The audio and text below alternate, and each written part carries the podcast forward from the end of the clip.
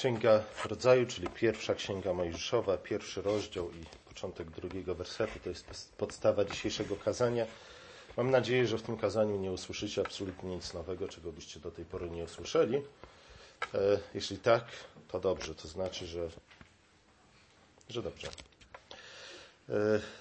E, dlaczego powtarzam to wszystko? Taki tekst dziś na dzisiejszą niedzielę wypadł raz w roku. Dobrze jest przypomnieć sobie historię stworzenia świata i oczywiście w jednym kazaniu nie można wszystkiego na ten temat powiedzieć. Dlatego ja skupię się przede wszystkim na jednym z aspektów tego opisu stworzenia świata, a zwłaszcza stworzenia człowieka. E, a drugi powód jest taki, iż święty Piotr przypomina nam, iż przypominanie jest dobre. Powinniśmy sobie pewne ważne rzeczy przypominać od czasu do czasu, żebyśmy ich nie zapomnieli. E, Bóg stworzył świat w taki, a nie w inny sposób. Nie? Oczywiście Bóg mógł stworzyć świat w kompletnie, absolutnie inny sposób. Zgadza się? Może nie w kompletnie, absolutnie inny sposób. W tym sensie, że stworzenie świata i świat jako taki jest objawieniem tego, kim jest Bóg, trójjedyny Bóg, kim jest, e, kim, kim jest Bóg w swojej istocie, w swoim charakterze. Także to nie mogło być coś, co by zaprzeczało istocie samego Boga. Niemniej jednak Bóg mógł stworzyć świat na przykład w ciągu nie sześciu dni, ale w ciągu sześciu milisekund, albo też w ciągu sześciu miliardów lat. Nie, to, to nie stałoby w sprzeczności z charakterem samego Boga. Przynajmniej tak mi się wydaje. Mógł też stworzyć świat, y, mógł, mógł stworzyć nas w inny sposób. Nie? My moglibyśmy wyglądać nieco inaczej niż wyglądamy. Mógł nas stworzyć piękniejszymi na przykład, nie? albo młodszymi, albo bogatszymi, ale stworzył nas takich, jakich, jakich nas stworzył. I słuchajcie, to jest ważne, że Bóg stworzył nas takimi, jacy jesteśmy i stworzył nas i świat w ten, a nie w inny sposób, ze względu na to, że z tego możemy bardzo wiele się nauczyć. Stworzenie świata jest objawieniem Boga, stworzenie człowieka jest objawieniem Boga. Pismo Święte wyraźnie mówi, iż człowiek został stworzony na obraz i podobieństwo Boga. Nie? Innymi słowy, i oczywiście, gdy czytamy te słowa, gdy czytamy te słowa, powinniśmy je interpretować przede wszystkim w kontekście tego, co do tej pory zostało powiedziane w Piśmie Świętym. A więc, gdy czytamy te słowa pod koniec pierwszego rozdziału, Y, bezpośrednim kontekstem jest to, co zostało napisane do tej pory w pierwszym rozdziale. A więc y, innymi słowy, gdy czytamy, iż Bóg stworzył człowieka na swój obraz i swoje podobieństwo, co to znaczy, że człowiek, to znaczy, że człowiek ma być podobny do Boga. Czego do tej pory z pierwszego rozdziału dowiadujemy się na temat Boga? Nie dowiadujemy się tego, w jaki sposób Bóg stworzył świat. Stworzył go w ten, a nie w inny sposób. I to znaczy, iż człowiek w swoim podobieństwie do Pana Boga ma być podobny przede wszystkim e, poprzez naśladowanie Boga w dziele stworzenia. I o tym przede wszystkim dzisiaj chciałbym mówić. Chciałbym mówić o tym, iż e, w jaki sposób Pan Bóg stworzył świat. Chciałbym powtórzyć, przypomnieć nam wszystkim pewien schemat stworzenia świata, który później e, pojawia się przy wielu innych okazjach, na wielu innych miejscach Pisma Świętego. To sobie podurujemy. Pan Bóg stworzył człowieka na swój obraz i swoje podobieństwo po to, żeby człowiek był do, podobny do Pana Boga. E, nie oznacza to, oznacza to, iż, iż Bóg ma, e, człowiek ma przede wszystkim naśladować Boga w jego dziele stworzenia. Wiem, że to już powiedziałem, wiem, że się powtarzam, ale jest to bardzo ważne. Nie? Dlatego, że istnieje bardzo wiele teorii na temat tego, co to znaczy, że człowiek nosi w sobie obraz Boży. Nie? Pewnie y, ci z Was, którzy co nieco interesują się albo filozofią, albo teologią, słyszeli wiele teorii na ten temat. Nie? Na przykład, że człowiek jest czym? Istotą myślącą. Nie? I ten człowiek jest podobny do Boga e, w sposób, w jaki zwierzęta na przykład nie są podobne do Boga. I tak, coś, coś w tym jest, nie? ale zwróćmy uwagę na to, iż pierwszy rozdział Pisma Świętego przede wszystkim ukazuje nam to, co Bóg czyni. Tak? To, co Bóg robi. Nie, nie widzimy Boga kontemplującego, nie widzimy y, Boga, y, który by był zadumany sam w sobie. Nie, widzimy Boga, który jest aktywny. Widzimy Boga, który ciągle coś czyni. Najpierw czyni coś z niczego, w tym oczywiście nie jesteśmy podobni do Boga i nie możemy być podobni do Boga. Nie? W naszym podobieństwie do Boga e, jest pewna granica, której nie jesteśmy w stanie przekroczyć. Człowiek, który stara się przekroczyć tę granicę, chce stać się, chce zastąpić tak naprawdę Boga, a nie stać się podobnym do Niego. Nie? To jest bałwochwalcze, to jest bałwochwalcza pycha, ta hybryd, o której mówiłem parę tygodni temu. Niemniej jednak mamy, widzimy Boga aktywnego, którego aktywność oczywiście prowadzi do czego? Do odpoczynku, do odpoczynku dnia siódmego. Później dekalog przypomina nam o tym, iż to jest podstawowy schemat ludzkiego życia. Siedem dni pracy i jeden dzień odpoczynku. Przyjrzyjmy się dzisiaj temu, w jaki sposób Bóg stworzył świat, jakie działania Bóg wykonywał e, poprzez te sześć dni stworzenia. I myślę, że to ukaże nam to, w jaki sposób my na co dzień, praktycznie we wszystkim, co czynimy, możemy naśladować Boga, możemy być podobni do Niego i w związku z tym możemy wielbić Boga we wszystkim, to, co czynimy. Nie? Wydaje mi się, że właśnie opis stworzenia świata jest podstawą słów, które znajdujemy później u apostoła Pawła, który mówi, czy jecie, czy pijecie, czy cokolwiek czynicie, wszystko czyńcie na chwałę Bożą. Nie? Wszystko możemy czynić na chwałę Bożą. Mam nadzieję, że dzisiaj przypomnimy sobie i to utrwali się nam w naszych głowach, a przede wszystkim w naszym zachowaniu, co to znaczy i dlaczego jesteśmy w stanie wszystko czynić na chwałę Bożą.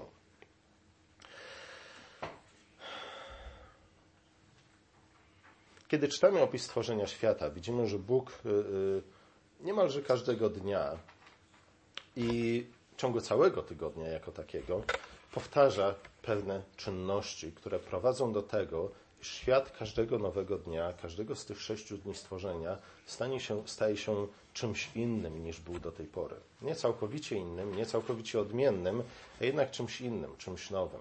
Bóg każdego dnia przemienia świat. Pod koniec każdego dnia Bóg spogląda na to, co uczynił i dokonuje pewnej oceny, mówi tak, to jest dobre. Ale później Przychodzi kolejny dzień, mogliśmy powiedzieć, oczywiście w cudzysłowie, Bóg budzi się do nowego dnia, e, patrzy jeszcze raz na ten świat i mówi: Nie, to, co jest dobre, może stać się jeszcze lepsze. Bóg wykonuje pracę nad stworzeniem nie dlatego, że to, co wcześniej uczynił, było złe, ale dlatego, że to, co dobre, może stać się lepszym. Co oczywiście wcale nie znaczy, iż wszelka zmiana i wszystko to, co nowe, jest lepsze. Nie? To jest niestety jeden z mitów powtarzanych przez współczesną e, edukacją, nie? iż zmiana zawsze jest dobra, nie? iż postęp i progres oznacza wprowadzanie ciągle to nowych elementów do naszego życia. Tak nie jest. Nie? Wiele nowych rzeczy jest, większość nowych rzeczy, które pojawiają się w naszym życiu, to są złe rzeczy. Ale z drugiej strony chodzi też o to, iż e, to, co jest, może stać się lepsze. Nie? W pewnym sensie nigdy nie powinniśmy być zadowoleni z własnego życia, tak do końca. To wcale nie znaczy, że nie powinniśmy być wdzięczni za to, co posiadamy, wręcz przeciwnie, nie? Ale te dwie rzeczy, pragnienie zmiany i wdzięczność w doskonałej istocie ludzkiej powinny znajdować się w doskonałej harmonii. Nie? W naszym życiu zwykle tak nie jest. Nie? Chcemy zmiany ze względu na to, że jesteśmy niezadowoleni, a ponieważ jesteśmy niezadowoleni, yy, oznacza to jednocześnie, że nie jesteśmy wdzięczni za to, za to, co posiadamy. Nie, schemat stworzenia świata przypomina nam o tym, że z jednej strony możemy i powinniśmy być wdzięczni Bogu za to, co mamy, za to, co posiadamy, za to, do czego doprowadził nas póki co w naszym życiu, ale z drugiej strony powinniśmy zawsze pragnąć czegoś więcej, nie? Więcej w tym przypadku powinno oznaczać lepiej. E, powinniśmy zawsze pragnąć czegoś lepszego, nie? Powinniśmy zawsze pragnąć tego, żebyśmy byli na przykład lepszym mężem albo lepszą żoną, nie? To oczywiście oznacza rozpoznanie tego, że nie jesteśmy jeszcze doskonałymi mężami albo żonami na przykład, albo nauczycielami, nie? albo uczniami. Nie? W przypadku dzieci to jest proste, ale jak tylko zrobimy maturę, czy też dostaniemy dyplom jakiejś uczelni, nie? już nam się wydaje, że nie, to jest wszystko, co powinniśmy osiągnąć. Jak tylko zejdziemy ze ślubnego kobierstwa, też nam się wydaje, że nie, to jest ideał. Może dlatego tak wiele osób tak wielu osobom poszukującym męża albo żony wydaje się, że jeśli tylko znajdą to, ten ideał, nie? E, jeśli tylko e, zawrą ślub z właściwą osobą, później po ślubie, w ich życiu małżeńskim i w ogóle w życiu wszystko będzie się dobrze układać, nie? Innymi słowy, nie będą musieli włożyć żadnego wysiłku w to, żeby ich małżeństwo było małżeństwem udanym. Jedyny wysiłek, jaki, jaki muszą w to włożyć, to jest wysiłek w znalezieniu właściwej osoby. Nie? Jeśli tylko znajdziemy właściwą osobę, później już nic nie będziemy musieli robić. Nie? To, jest, to jest na wskroś pogańskie myślenie. Takie myślenie nie ma z Pismem Świętym absolutnie nic, nic, nic wspólnego. Nie? Tydzień stworzenia przypomina nam o tym. Słuchajcie, że rzeczy dobre powinny stawać się rzeczami lepszymi. Zgadza się. I nawet e, świat tak, jak wyglądał dnia, pod koniec dnia szóstego, kiedy Bóg powiedział, że ten świat, że stworzenie jest bardzo dobre, a stało się bardzo dobre wraz z pojawieniem się na nim kobiety, nie, nie oznaczało, że to jest koniec wszystkiego. Bóg stworzył człowieka po to, aby kontynuował dzieło Boga, aby na podobieństwo Boga przemieniał świat z chwały w chwałę. Nie? W gruncie rzeczy zadanie, które Bóg, innymi słowy, zadanie, które Bóg nam powierza jako człowiekowi, jako ludzkości, e, jest zadaniem estetycznym. Nie? Często e, w niektórych kręgach, e, zwłaszcza reformowanych niestety, do których my też należymy na szczęście, mówi się, że, że bardzo często mówimy o mandacie kulturowym, nie? który oznacza to, że mamy y, roz, rozmnażać się, napełniać ziemię i czynić ją sobie poddaną. Nie? Tak jakby czynienie sobie ziemi poddanej było tym ostatecznym celem, jaki Bóg nam wyznaczył. Ale nie, tak nie jest. Nie? Zobaczcie, Kain uczynił sobie ziemię poddaną. Nie? Budowniczowie wieży Babel uczynili sobie ziemię poddaną. Wielu ludzi czyni sobie ziemię poddaną i nic dobrego z tego nie wynika. Nie? To już powinno nam powiedzieć, że czynienie sobie ziemi poddanej nie może być celem samym w sobie. Nie, nie mamy być jakimiś imperialistami, e, którzy chcą zawładnąć całym światem, i uwa- którzy, ponieważ uważają, że panowanie nad całym światem jest celem ostatecznym dla nas. Nie. E, mamy czynić Ziemię coraz piękniejszą. Naszym, naszym, nasze zadanie jest zadaniem estetycznym. Mamy napełniać tę Ziemię czym? chwałą Bożą, poznaniem Boga itd. Tak itd. Tak Innymi słowy, e, nie, nie, niestety niektórzy chrześcijanie, e, to się przekłada na przykład na takie rzeczy jak teoria na temat tego, ile dzieci powinni mieć chrześcijanie. Nie? Dobry chrześcijanin to ten, który ma przynajmniej tuzin dzieci, albo przynajmniej stara się nie osiągnąć ten tuzin dzieci, tak jak tuzin było, jak Jakub miał tuzin, tuzin dzieci. Nie? Im więcej, tym lepiej. Nie? znów marksistowskie na wskroś myślenie, e, cóż z tego, że będziemy mieli tu, tuzin dzieci, a nawet tuzin chłopaków, nie? synów, jeśli jeden, y, y, drugi, trzeci i po kolei wszyscy będą, okażą się ludźmi złymi. Nie? Czy w ten sposób napełnimy ziemię chwałą Bożą? Oczywiście, że nie. Dobrze, ale wróćmy do tak naprawdę głównego tematu. Zobaczcie, schemat, który widzimy, jest taki, zawiera sześć kroków. Pamiętacie te sześć kroków? Najpierw Bóg bierze świat w swoje dłonie. E, I oczywiście dłońmi Boga jest co? Jest Jego Słowo. Nie? Ponieważ Bóg jest najwyższy, zasiada ponad całym stworzeniem, dlatego Bóg dosłownie nie musi wykonywać pracy swoimi dłońmi. Nie? Tak jest również w ludzkim życiu. E, kiedy jesteśmy młodzi, brakuje nam doświadczenia albo wykształcenia, musimy wykonywać pracę czym? Naszymi rękoma. Zgadza się? Ale kiedy nabierzemy doświadczenia, kiedy nauczymy się paru rzeczy, y, z czasem okazuje się, że już y, nie musimy pracować rękoma. Okazuje się, że, że gdybyśmy pozostali przy tej e, ręcznie wykonywanej pracy, to byłaby, byłoby marnotrawstwo naszego, naszej wiedzy, naszego doświadczenia. Nie, Znów nie chodzi mi o to, że jest coś gorszego w tym. Nie, znów, zobaczcie, nie, musi, nie, nie, nie powinniśmy tutaj myśleć w kategoriach zły, dobry, nie? ale raczej dobry, który prowadzi do czegoś lepszego. Nie? Ta praca, którą wykonujemy naszymi rękoma, jest dobra ze względu, jeśli, jeśli prowadzi nas ku większej dojrzałości, ku lepszej znajomości tematu. Nie? I często bywa tak, że ludzie, którzy, którzy przechodzą w ten sposób poprzez swoją karierę, czy w ten sposób robią karierę, zaczynając od podstawowych prac, nie, które się wykonuje na przykład w jakiejś fabryce i później, na przykład po 40 latach, zostają szefami tej fabryki, okazuje się, że przynajmniej niektórzy z nich, ze względu na to, że znają tę fabrykę od, pod, od podszewki, są lepszymi zarządcami. Nie wykonują już więcej pracy fizycznej. Nie? Oni wykonują teraz pracę swoimi ustami wykonują, wydają polecenia. Nie? W ten sposób na tym polega zarządzanie, na wykonywaniu poleceń, ale są w stanie wykonywać mądre, wydawać mądre i dobre polecenia, wykonywać pracę przy pomocy swoich ust ze względu na to, że wiedzą, co to znaczy wykonać tę pracę przy pomocy swoich rąk. Historia Jakuba nam o tym mówi. Nie? Zaczynał jako pasterz, a skończył jako kto? Skończył jako stary, kulawy człowiek. I można by, mo, mogłoby się wydawać, że no rzeczywiście, nie, to jest, to jest. Cóż ten człowiek więcej może wykonać w swoim życiu? Ale zobaczcie, że te wszystkie doświadczenia, przez które przeszedł, praca z owcami, później praca z wychowaniem dwunastu synów, e, zmaganie się ze swoim bratem, później ze swoim wujem czy stryjem, nie?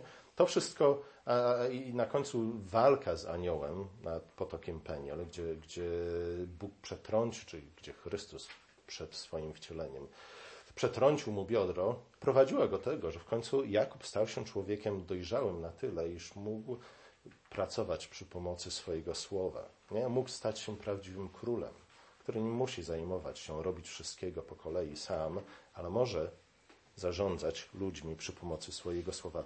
Bóg dlatego możemy powiedzieć, iż dłoń Boga jest Jego słowo. Nie? To Bóg posyła swoje słowo po to, aby wykonało pracę, do której je posyła i ono nie wraca do Niego, nie wykonawszy tej pracy. Podobnie jest z nami. Nie? W ten czy w inny sposób musimy uchwycić rzecz, nad którą pracujemy. Nie? Jeśli jesteśmy cieślą, to oczywiście chodzi o kawałek drewna, o narzędzia, którymi wykonujemy tę pracę. Jeśli jesteśmy y, nie wiem, kierownikiem, brygadzistą, przełożonym jakiejś firmy, to oczywiście nie wykonujemy pracy naszymi, naszymi dłońmi, ale wykonujemy ją przy pomocy naszych słów, czy też naszych ust. Ale musimy, musimy wziąć coś w nasze dłonie, nie? w sposób dosłowny albo przenośny, żeby wykonać nad tym czymś naszą pracę. Nie? To dotyczy jednostek, ale to dotyczy także zbiorowości. W społeczeństwie jaka grupa ludzi jest grupą ludzi, która pozwala nam wziąć w dłonie świat, w którym żyjemy i nad którym musimy wykonać naszą pracę. Powiedzcie mi. To nie są robotnicy fizycznie. Słucham? Bankierzy? Nie. To są naukowcy. Nie? Dlaczego? Dlatego, że naukowcy pozwalają nam, opisując, badając świat, opisując nam go, pozwalają nam go lepiej zrozumieć, nie? uchwycić naszymi umysłami, żebyśmy byli w stanie wykonać nad tym światem jakąś pracę. Zgadza się? Naukowcy są tymi, którzy w społeczeństwie wykonują ten pierwszy krok w pracy, jaką mamy wykonać nad światem. Nie? Oni poprzez opisanie świata sprawiają, że jesteśmy w stanie go wziąć w nasze dłonie i wykonać nad nim jakąś pracę. Później następuje drugi krok. Bóg kształtuje świat, który wziął w swoje dłonie E, widzimy to w szczególności w ciągu pierwszych trzech dni stworzenia, kiedy Bóg oddzielił światłość od ciemności, wody pod sklepieniem, od, wód nad sklepieniem, ląd od morza, dzień od nocy itd. Tak itd. Tak Nie? Zobaczcie, że w wyniku tych podziałów powstawały nowe rzeczy. Zgadza się? W wyniku tych podziałów też powstawały lepsze rzeczy niż te, które istniały do tej pory. E, i to jest w gruncie rzeczy praca e, w sensie ścisłym, tak?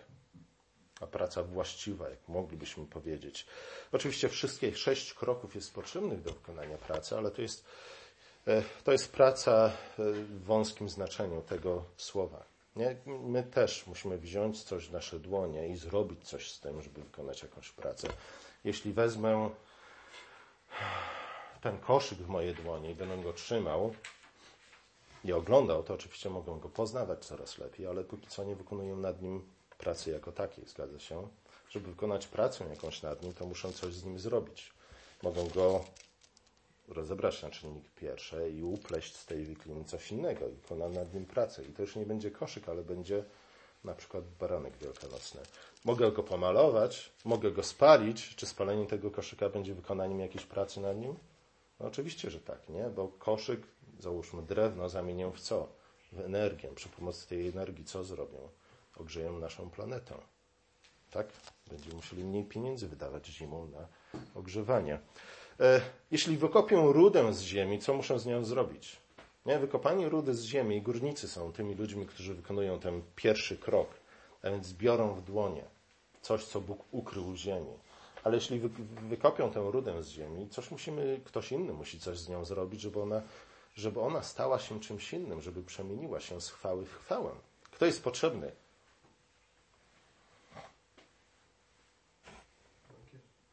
No ja wiem, że bankierzy są potrzebni do wszystkiego. Nie? Jaki drugi krok musi być wykonany? No wy, wydobywamy rudę z ziemi. Ja wiem, że wy tu w Wielkopolsce nie macie żadnych kopalni i nie macie żadnego pojęcia nad... nad ale ja się wychowałem w miejscu, gdzie tu była kopalnia, tam była co? Huta, ale pomiędzy kopalnią a hutą istniało co jeszcze? Flotacja. Nie? To jest ten pierwszy etap który trzeba, pracy, której trzeba wykonać nad rudą, chodzi po prostu o oczyszczenie, wstępne oczyszczenie rudy. Nie? Zanim ją zawieziemy do huty i dokonamy dalszego oczyszczenia jej, czyli oddzielenia nie? tych wszystkich zanieczyszczeń, które są niepotrzebne, po to, żebyśmy koniec końców otrzymali sztabkę miedzi na przykład, nie? albo sztabkę sztabką żelaza. Żelazo nie występuje nigdy nie? w formie czystej, ale mniej więcej tak to wygląda. I później kolejni ludzie muszą wykonać kolejną pracę nad tymi rzeczami, po to, żebyśmy prędzej czy później mogli się cieszyć czym? Nie? Drutami, które zasilają nasze gniazdka elektryczne albo, albo porządnymi widłami. Jeśli ktoś na którymś etapie y, wykona swoją pracę w niewłaściwy sposób, to niestety nie, nie będziemy mogli cieszyć się dobrymi owocami tej pracy. Wszyscy ludzie wykonują tę pracę, nie? Każdy człowiek. Gdybyśmy zaprzestali wykonywać tego drugiego kroku i pierwszego, przestalibyśmy istnieć, nie? Czy też żyć. Może za wyjątkiem małych dzieci, dzieci, które wciąż, y, za które wciąż rodzice muszą wszystko robić. Etap trzeci. Y, kiedy już powstaje coś nowego, nie? w wyniku rozdzielenia i ewentualnie ponownego połączenia, mamy coś nowego. Bóg oczywiście w tym momencie nadaje temu czemuś nowe imię. Nie? My też tak robimy. Nadajemy tym rzeczom, owocom naszej pracy nowe imiona. Co z tym robimy? Nie? Bóg rozdziela to. Bóg dzieli się owocami swojej pracy z innymi ludźmi. Znaczy z innymi ludźmi, z ludźmi, z całym stworzeniem. E, to widzimy zwłaszcza w trzech ostatnich dniach stworzenia, dlatego że widzimy, że co? Wodę, wody, morza Bóg daje komu? Rybom i wszelkim innym gadom, które pływają w wodzie. Bóg daje Niebo komu? Ptakom i komarom i nietoperzom. E, Bóg daje ziemię komu? Czy też ląd daje komu? Zwierzętom, oczywiście lądowym. I człowiekowi w ostateczności. Nie? Bóg daje to wszystko innym. I podobnie jest z owocami naszej pracy. Nie? Kiedy my coś wytworzymy, mamy oczywiście do wyboru trzy rzeczy. Możemy albo to sami zatrzymać dla siebie, na przykład sami zjeść, sami skonsumować albo sami używać. Możemy też dać to komuś, kto potrzebuje, a nie ma pieniędzy, żeby za to zapłacić. Albo możemy komuś to sprzedać. Nie? Wymienić innymi słowy na, na owoce cudzej pracy. Widzicie, w handlu nie ma absolutnie nic złego. Teoretycznie rzecz biorąc. Nie? Innym, może powinienem powiedzieć inaczej. Handel nie jest zły sam w sobie. Nie? Handel jest sam w sobie jest czymś dobrym, staje się złym w rękach złych ludzi, tak jak każda inna rzecz. Ale zobaczcie, ten trzeci krok mówi nam między innymi o handlu. Nie? Bez ludzi, którzy handlują, bez handlarzy, to jest w naszym języku bardzo pejoratywne określenie, zgadza się. Ale zobaczcie, bez handlarzy praktycznie cały świat zatrzymałby się w miejscu. Zgadza się? Nie ma absolutnie niczego, nie macie absolutnie niczego ani na sobie, ani w swoich kieszeniach, ani nawet w waszym domu, co, by, co byście mogli mieć, gdyby nie handlarze. Jeśli chcecie mi udowodnić, że się mylę, to przynieście to coś na następne nabożeństwo. E, dzielimy się tym, ponieważ Bóg się podzielił owocami swojej pracy z nami, z ludźmi, z resztą stworzenia. Podobnie jest z nami. Wymieniamy się owocami naszej pracy z innymi ludźmi. I zobaczcie, w tym w pewien sposób także przejawia się to, że zostaliśmy stworzeni na, na co? Na podobieństwo trójjednego Boga. Nie? Dlatego, że Ojciec, Syn i Duch zawsze obdarzają chwałą, czy też otaczają chwałę inne osoby. Nigdy nie mówią, słuchajcie, jaki ja jestem fajny. Nie? Mam 7 tysięcy fanów na Facebooku. E, nie. Ojciec, Syn i Duch Święty zawsze, zawsze otaczają chwałą pozostałe osoby, nie? które oczywiście odwdzięczają się tym samym, e, ale w wymianie owoców naszej pracy jest coś z wewnętrznego życia Trójcy, kiedy my wymieniamy się owocami naszej pracy z innymi ludźmi. Jedne oczywiście owoce pracy są materialne, inne są niematerialne. Nie powinniśmy myśleć, że tylko materialne owoce pracy są czymś dobrym, bynajmniej. Po czwarte, Bóg ocenia swoją pracę. Bóg dokonuje oceny swojej pracy. Każdego, pod koniec każdego dnia Bóg patrzył na to, co uczynił i wydawał osąd. I mówił, tak, to jest dobre. Nie? A w końcu powiedział, tak, to jest bardzo dobre. Nie? Współczesny świat, współczesna teoria wychowania i edukacji mówi, że dokonywanie jakichkolwiek ocen jest złe. Zgadza się?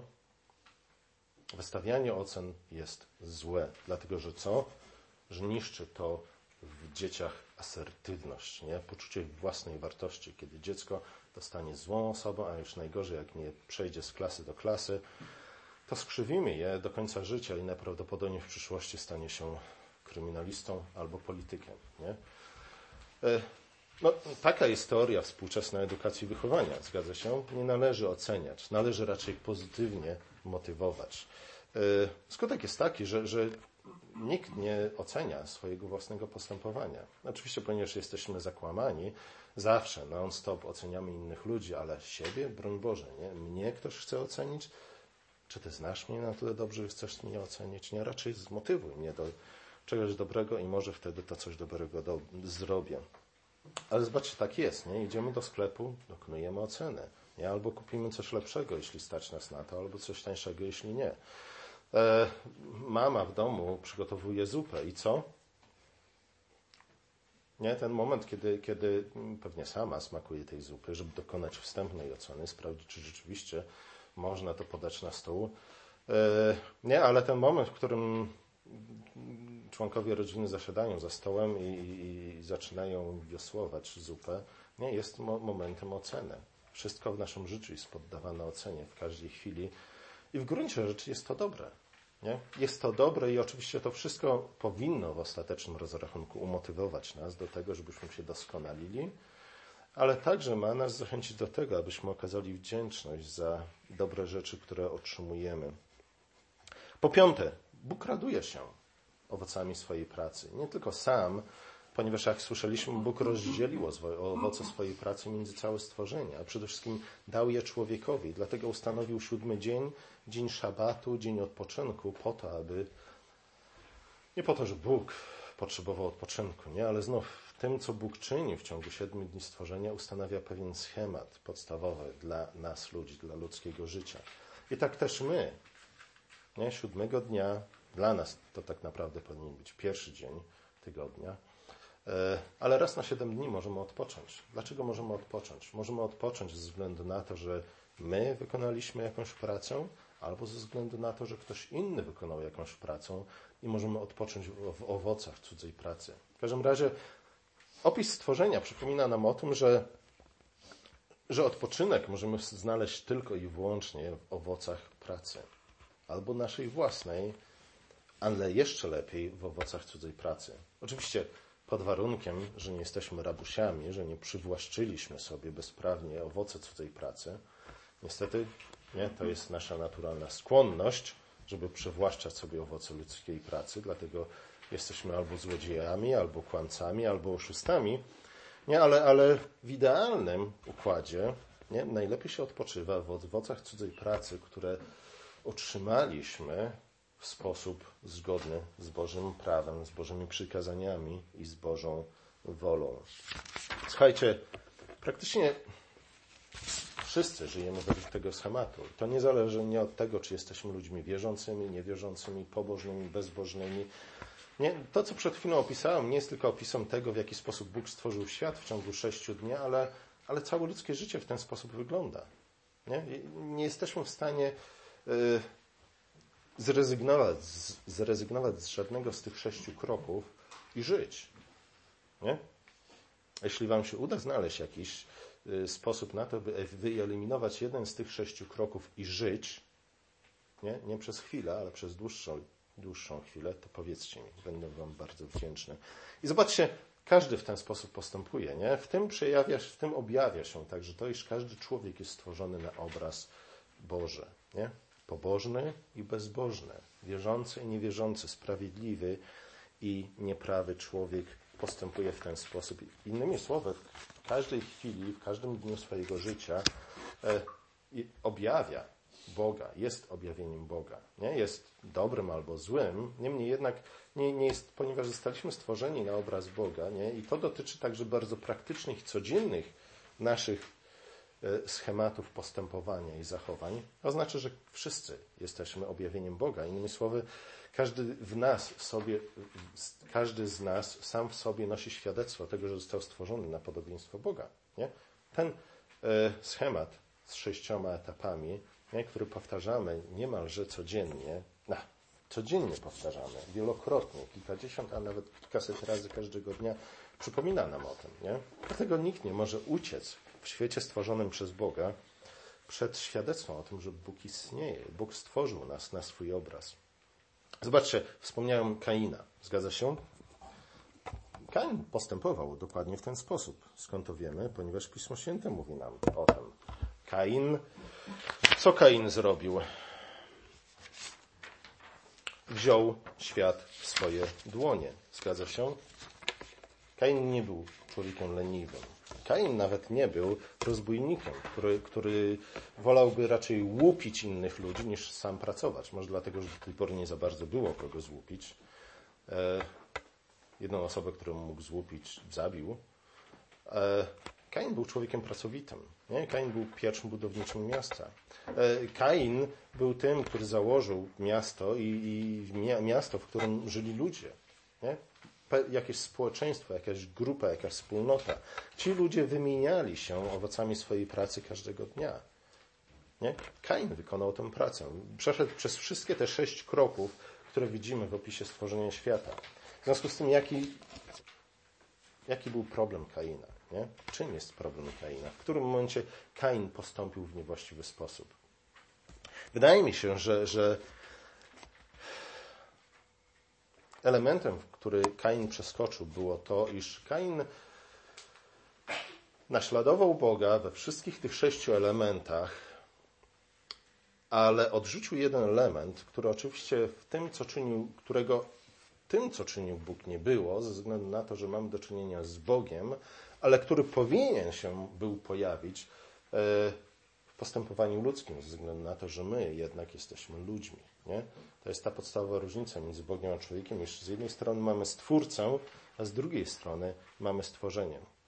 W liście do Rzymian w pierwszym rozdziale, gdzie, gdy Paweł pisze o pierwszych ludziach, czytamy, że ludzie ci, zwłaszcza Adam i Ewa, ale także to dotyczy Kaina, poznawszy Boga, nie oddali mu czci jako Bogu i nie złożyli mu dziękczynienia. Nie? Wydaje się, że dziękczynienie, brak dziękczynienia w postępowaniu Kaina jest tym podstawowym problemem. Czym jest dziękczynienie?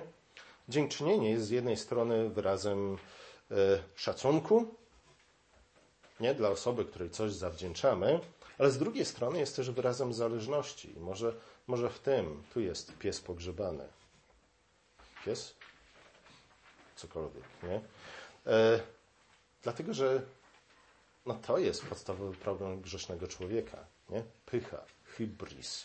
E, nie chcemy uznać tego, iż jesteśmy zależni od kogokolwiek, nie? a już zwłaszcza od Pana Boga, że zawdzięczamy. I zobaczcie, nie wiem, czy mieliście, czy nie mieliście takie doświadczenia, ale być może spotkało to Was w Waszym własnym życiu, kiedy ludzie, którym w jakiś sposób pomogliście, nie? podaliście pomocną dłoń, e, pożyczyliście pieniądze, wykonaliście jakąś pracę, nie? E, nie, że byście musieli oczekiwać od nich jakiejś wdzięczności, ale, ale, ale zobaczcie, jak to czasami bywa, nie? Dziwnie, iż, iż w tej sytuacji oczywiście powinniśmy oczekiwać wdzięczności ze strony ludzi, którym okazujemy prawdziwą, realną pomoc, nie? Bo często pomoc niestety jest raczej próbą zniewolenia drugiej strony, ale mówmy o prawdziwej, autentycznej pomocy. Zamiast spotkać się z wdzięcznością y, stronie, której pomogliśmy, czy tej osobie, której pomogliśmy, raczej spotykamy się z niechęcią i z narastającą wrogością. Dlaczego? Nie, no, pierwszy rozdział, pierwszy rozdział Pisma Świętego mówi nam, że to jest naturalna tendencja człowieka grzesznego, czy też może raczej powinniśmy powiedzieć człowieka niedojrzałego, nie? który mówi, że mi się należy, nie? dla którego coś takiego jak obowiązek w ogóle nie istnieje, istnieją tylko i wyłącznie same prawa. Nie? nie chcemy uznać tego, że zależymy od kogoś. Raczej wolimy przypominać całemu światu, że nam się coś od nich należy. To był problem Adama, to był problem Kaina i to jest często nasz problem. Nie? Dlatego powinniśmy, powinniśmy uzupełnić ten sześciostopniowy schemat o, o siódmy stopień, czy też o siódmy element. Zaraz po tym, jak bierzemy coś w nasze dłonie, powinniśmy co zrobić? Podziękować Panu Bogu. Uznać, że tak, Panie Boże, Ty włożyłeś to w moje dłonie, dzięki Tobie to posiadam. Dzięki Tobie będę zdolny wykonać nad tym jakąś pracę. Pracą, poprzez którą oddam Tobie cześć, uwielbiam Ciebie. Nie? Zwróćmy uwagę na to, że w tym momencie nabożeństwo w znaczeniu ścisłym to oczywiście jest to, co dzieje się teraz. Nie?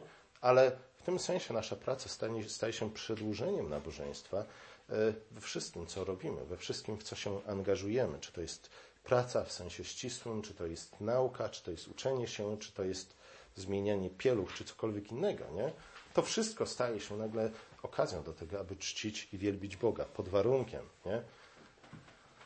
Że po tym, jak Bóg włoży coś w nasze dłonie, niezależnie od tego, czy to będzie niemowlę, czy to będzie pióro, czy to będzie lornetka, mikroskop, czy to będzie kawałek drewna, albo jeszcze coś innego, nie? w tym momencie powinniśmy się zatrzymać na chwilę i złożyć Bogu dziękczynienie, podziękować Mu, Panie Boże, dziękuję Ci, że dałeś mi tę nową, kolejną okazję do tego, aby oddać Tobie cześć w moim życiu, aby uczcić się w moim życiu i aby zrobić coś do, dobrego dla siebie i dla innych ludzi. Coś, w czym ja i inni ludzie znajdziemy odpoczynek, nie? I dzięki czemu tym bardziej będziemy zachęceni do tego, umotywowani do tego, aby wielbić Ciebie, sławić Ciebie za to, że dałeś nam życie i dałeś nam te wszystkie możliwości, które stawiasz przed nami. Zobaczcie, wiele rzeczy można było powiedzieć na ten temat, ale chyba trzeba kończyć. W każdym razie na, na, na, na sam koniec. Oczywiście, jeśli słuchaliście uważnie, jeśli, jeśli czytaliście wcześniej cokolwiek z Jima Jordana, e, to, to zauważyliście, do czego nas to wszystko prowadzi. Nie, to prowadzi nas oczywiście do stołu pańskiego. Dlatego, że, że ten schemat odnajdujemy przy stole pańskim. Oczywiście, jeśli sprawujemy wieczerzę pańską sposób, w jaki została ona ustanowiona przez Jezusa Chrystusa i w sposób, w jaki, w jaki co? Sposób, w jaki później apostoł Paweł ją opisuje, nie? chcąc nas zachęcić, abyśmy w ten, a nie w inny sposób sprawowali wieczerzą. Cóż Jezus zrobił? Wziął chleb w swoje dłonie. Ciekawe jest, że ten sam schemat pojawia się przy nakarmieniu czterech i pięciu tysięcy ludzi. Nie? Tam nie ma co prawda wina, ale przy chlebie widzimy dokładnie ten sam schemat. I to chyba też nie jest przypadek. Bierze w swoje dłonie, potem co robi? Dokładnie to, czego nie zrobił Kain, a co powinien uczynić każdy z nas, nie? Podziękował Bogu, pobłogosławił te dary, które Bóg włożył mu w dłonie. Następnie co zrobił? Złamał, rozdzielił. I oto nagle chleb nie jest już chlebem, tylko staje się czym? Staje się ciałem Chrystusa, otrzymuje nowe imię, ponieważ jest czymś nowym. Nie? Coś, co było dobre, stało się czymś, co jest bardzo dobre. Następnie co czyni? Rozdaje swoim uczniom. Nie? Pamiętajcie, handel, wymiana, nie muszą być złe, mogą być dobre. Nie powinniśmy z tego rezygnować, ale czynić to w sposób, który podoba się Panu Bogu, w uczciwy sposób. Daje uczniom. I co uczniowie robią? Smakują, a więc dokonują oceny. Nie? Po to, żeby przekonać się, i rzeczywiście dobry jest Bóg. A na koniec co robią? Na koniec wszyscy odpoczywają. Nie? Dlatego sprawujemy wieczerzę przy stole, tak jak Bóg ją ustanowił, ale też spożywamy ją na siedząco, ze względu na to, że to jest to jest właśnie ten moment, do którego Bóg prowadzi nas poprzez cały tydzień, ale to jest też ten moment, poprzez który Bóg prowadzi całe stworzenie ku zwieńczeniu historii świata, nie? którym będzie odpoczynek, odpoczynek w Bogu. Nie? Możemy zjeść, posmakować, powiedzieć tak, to jest dobre, e, i odpocząć. Dlatego, kiedy Jezus e, ustanowił wieczerzę pańską, spożył ze swoimi uczniami i ostatnią wieczerzą, co zrobili później? Nie, usiedli sobie spokojnie i zaśpiewali hymny na cześć Boga. Nie? Jeszcze raz wyrażając wdzięczność Bogu za radość, którą im dało. A zatem w centrum Królestwa Chrystus umieścił rytuał, który ma kształtować nasze myślenie i wskazywać na schemat działania zgodny z naszym powołaniem. Naszym powołaniem, które jest wyrazem tego, że zostaliśmy stworzeni na obraz i podobieństwo Boga. Nie? Za każdym razem, gdy przystępujemy do stołu pańskiego, niech to będzie dla nas przypomnieniem. Po co nas Bóg stworzył, jakimi nas Bóg stworzył, do czego nas Bóg stworzył, w jaki sposób, naprawdę, czyniąc najprostszą czynność, wykonując najprostszą czynność w naszym życiu, możemy chwalić Boga i możemy być objawieniem samego Stwórcy. Pomódlmy się. Nasz drugi łaskawy Ojcze, dziękujemy Ci za opis stworzenia świata i dziękujemy Ci za to przypomnienie e, częściowe, co prawda, o te, tego, kim jesteśmy, w jaki sposób mamy żyć, po co Ty nas stworzyłeś i, i czemu ma służyć całe nasze życie. Dziękujemy Ci jeszcze raz za to, iż Ty każdego dnia wkładasz w nasze dłonie rzeczy, nad którymi możemy wykonać pracę na Twoją chwałę. Prosimy Cię, Ojcze, abyśmy to czynili z wdzięcznością, e, po to, abyś Ty był uczczony e, i uwielbiony we wszystkim, co robimy. Amen.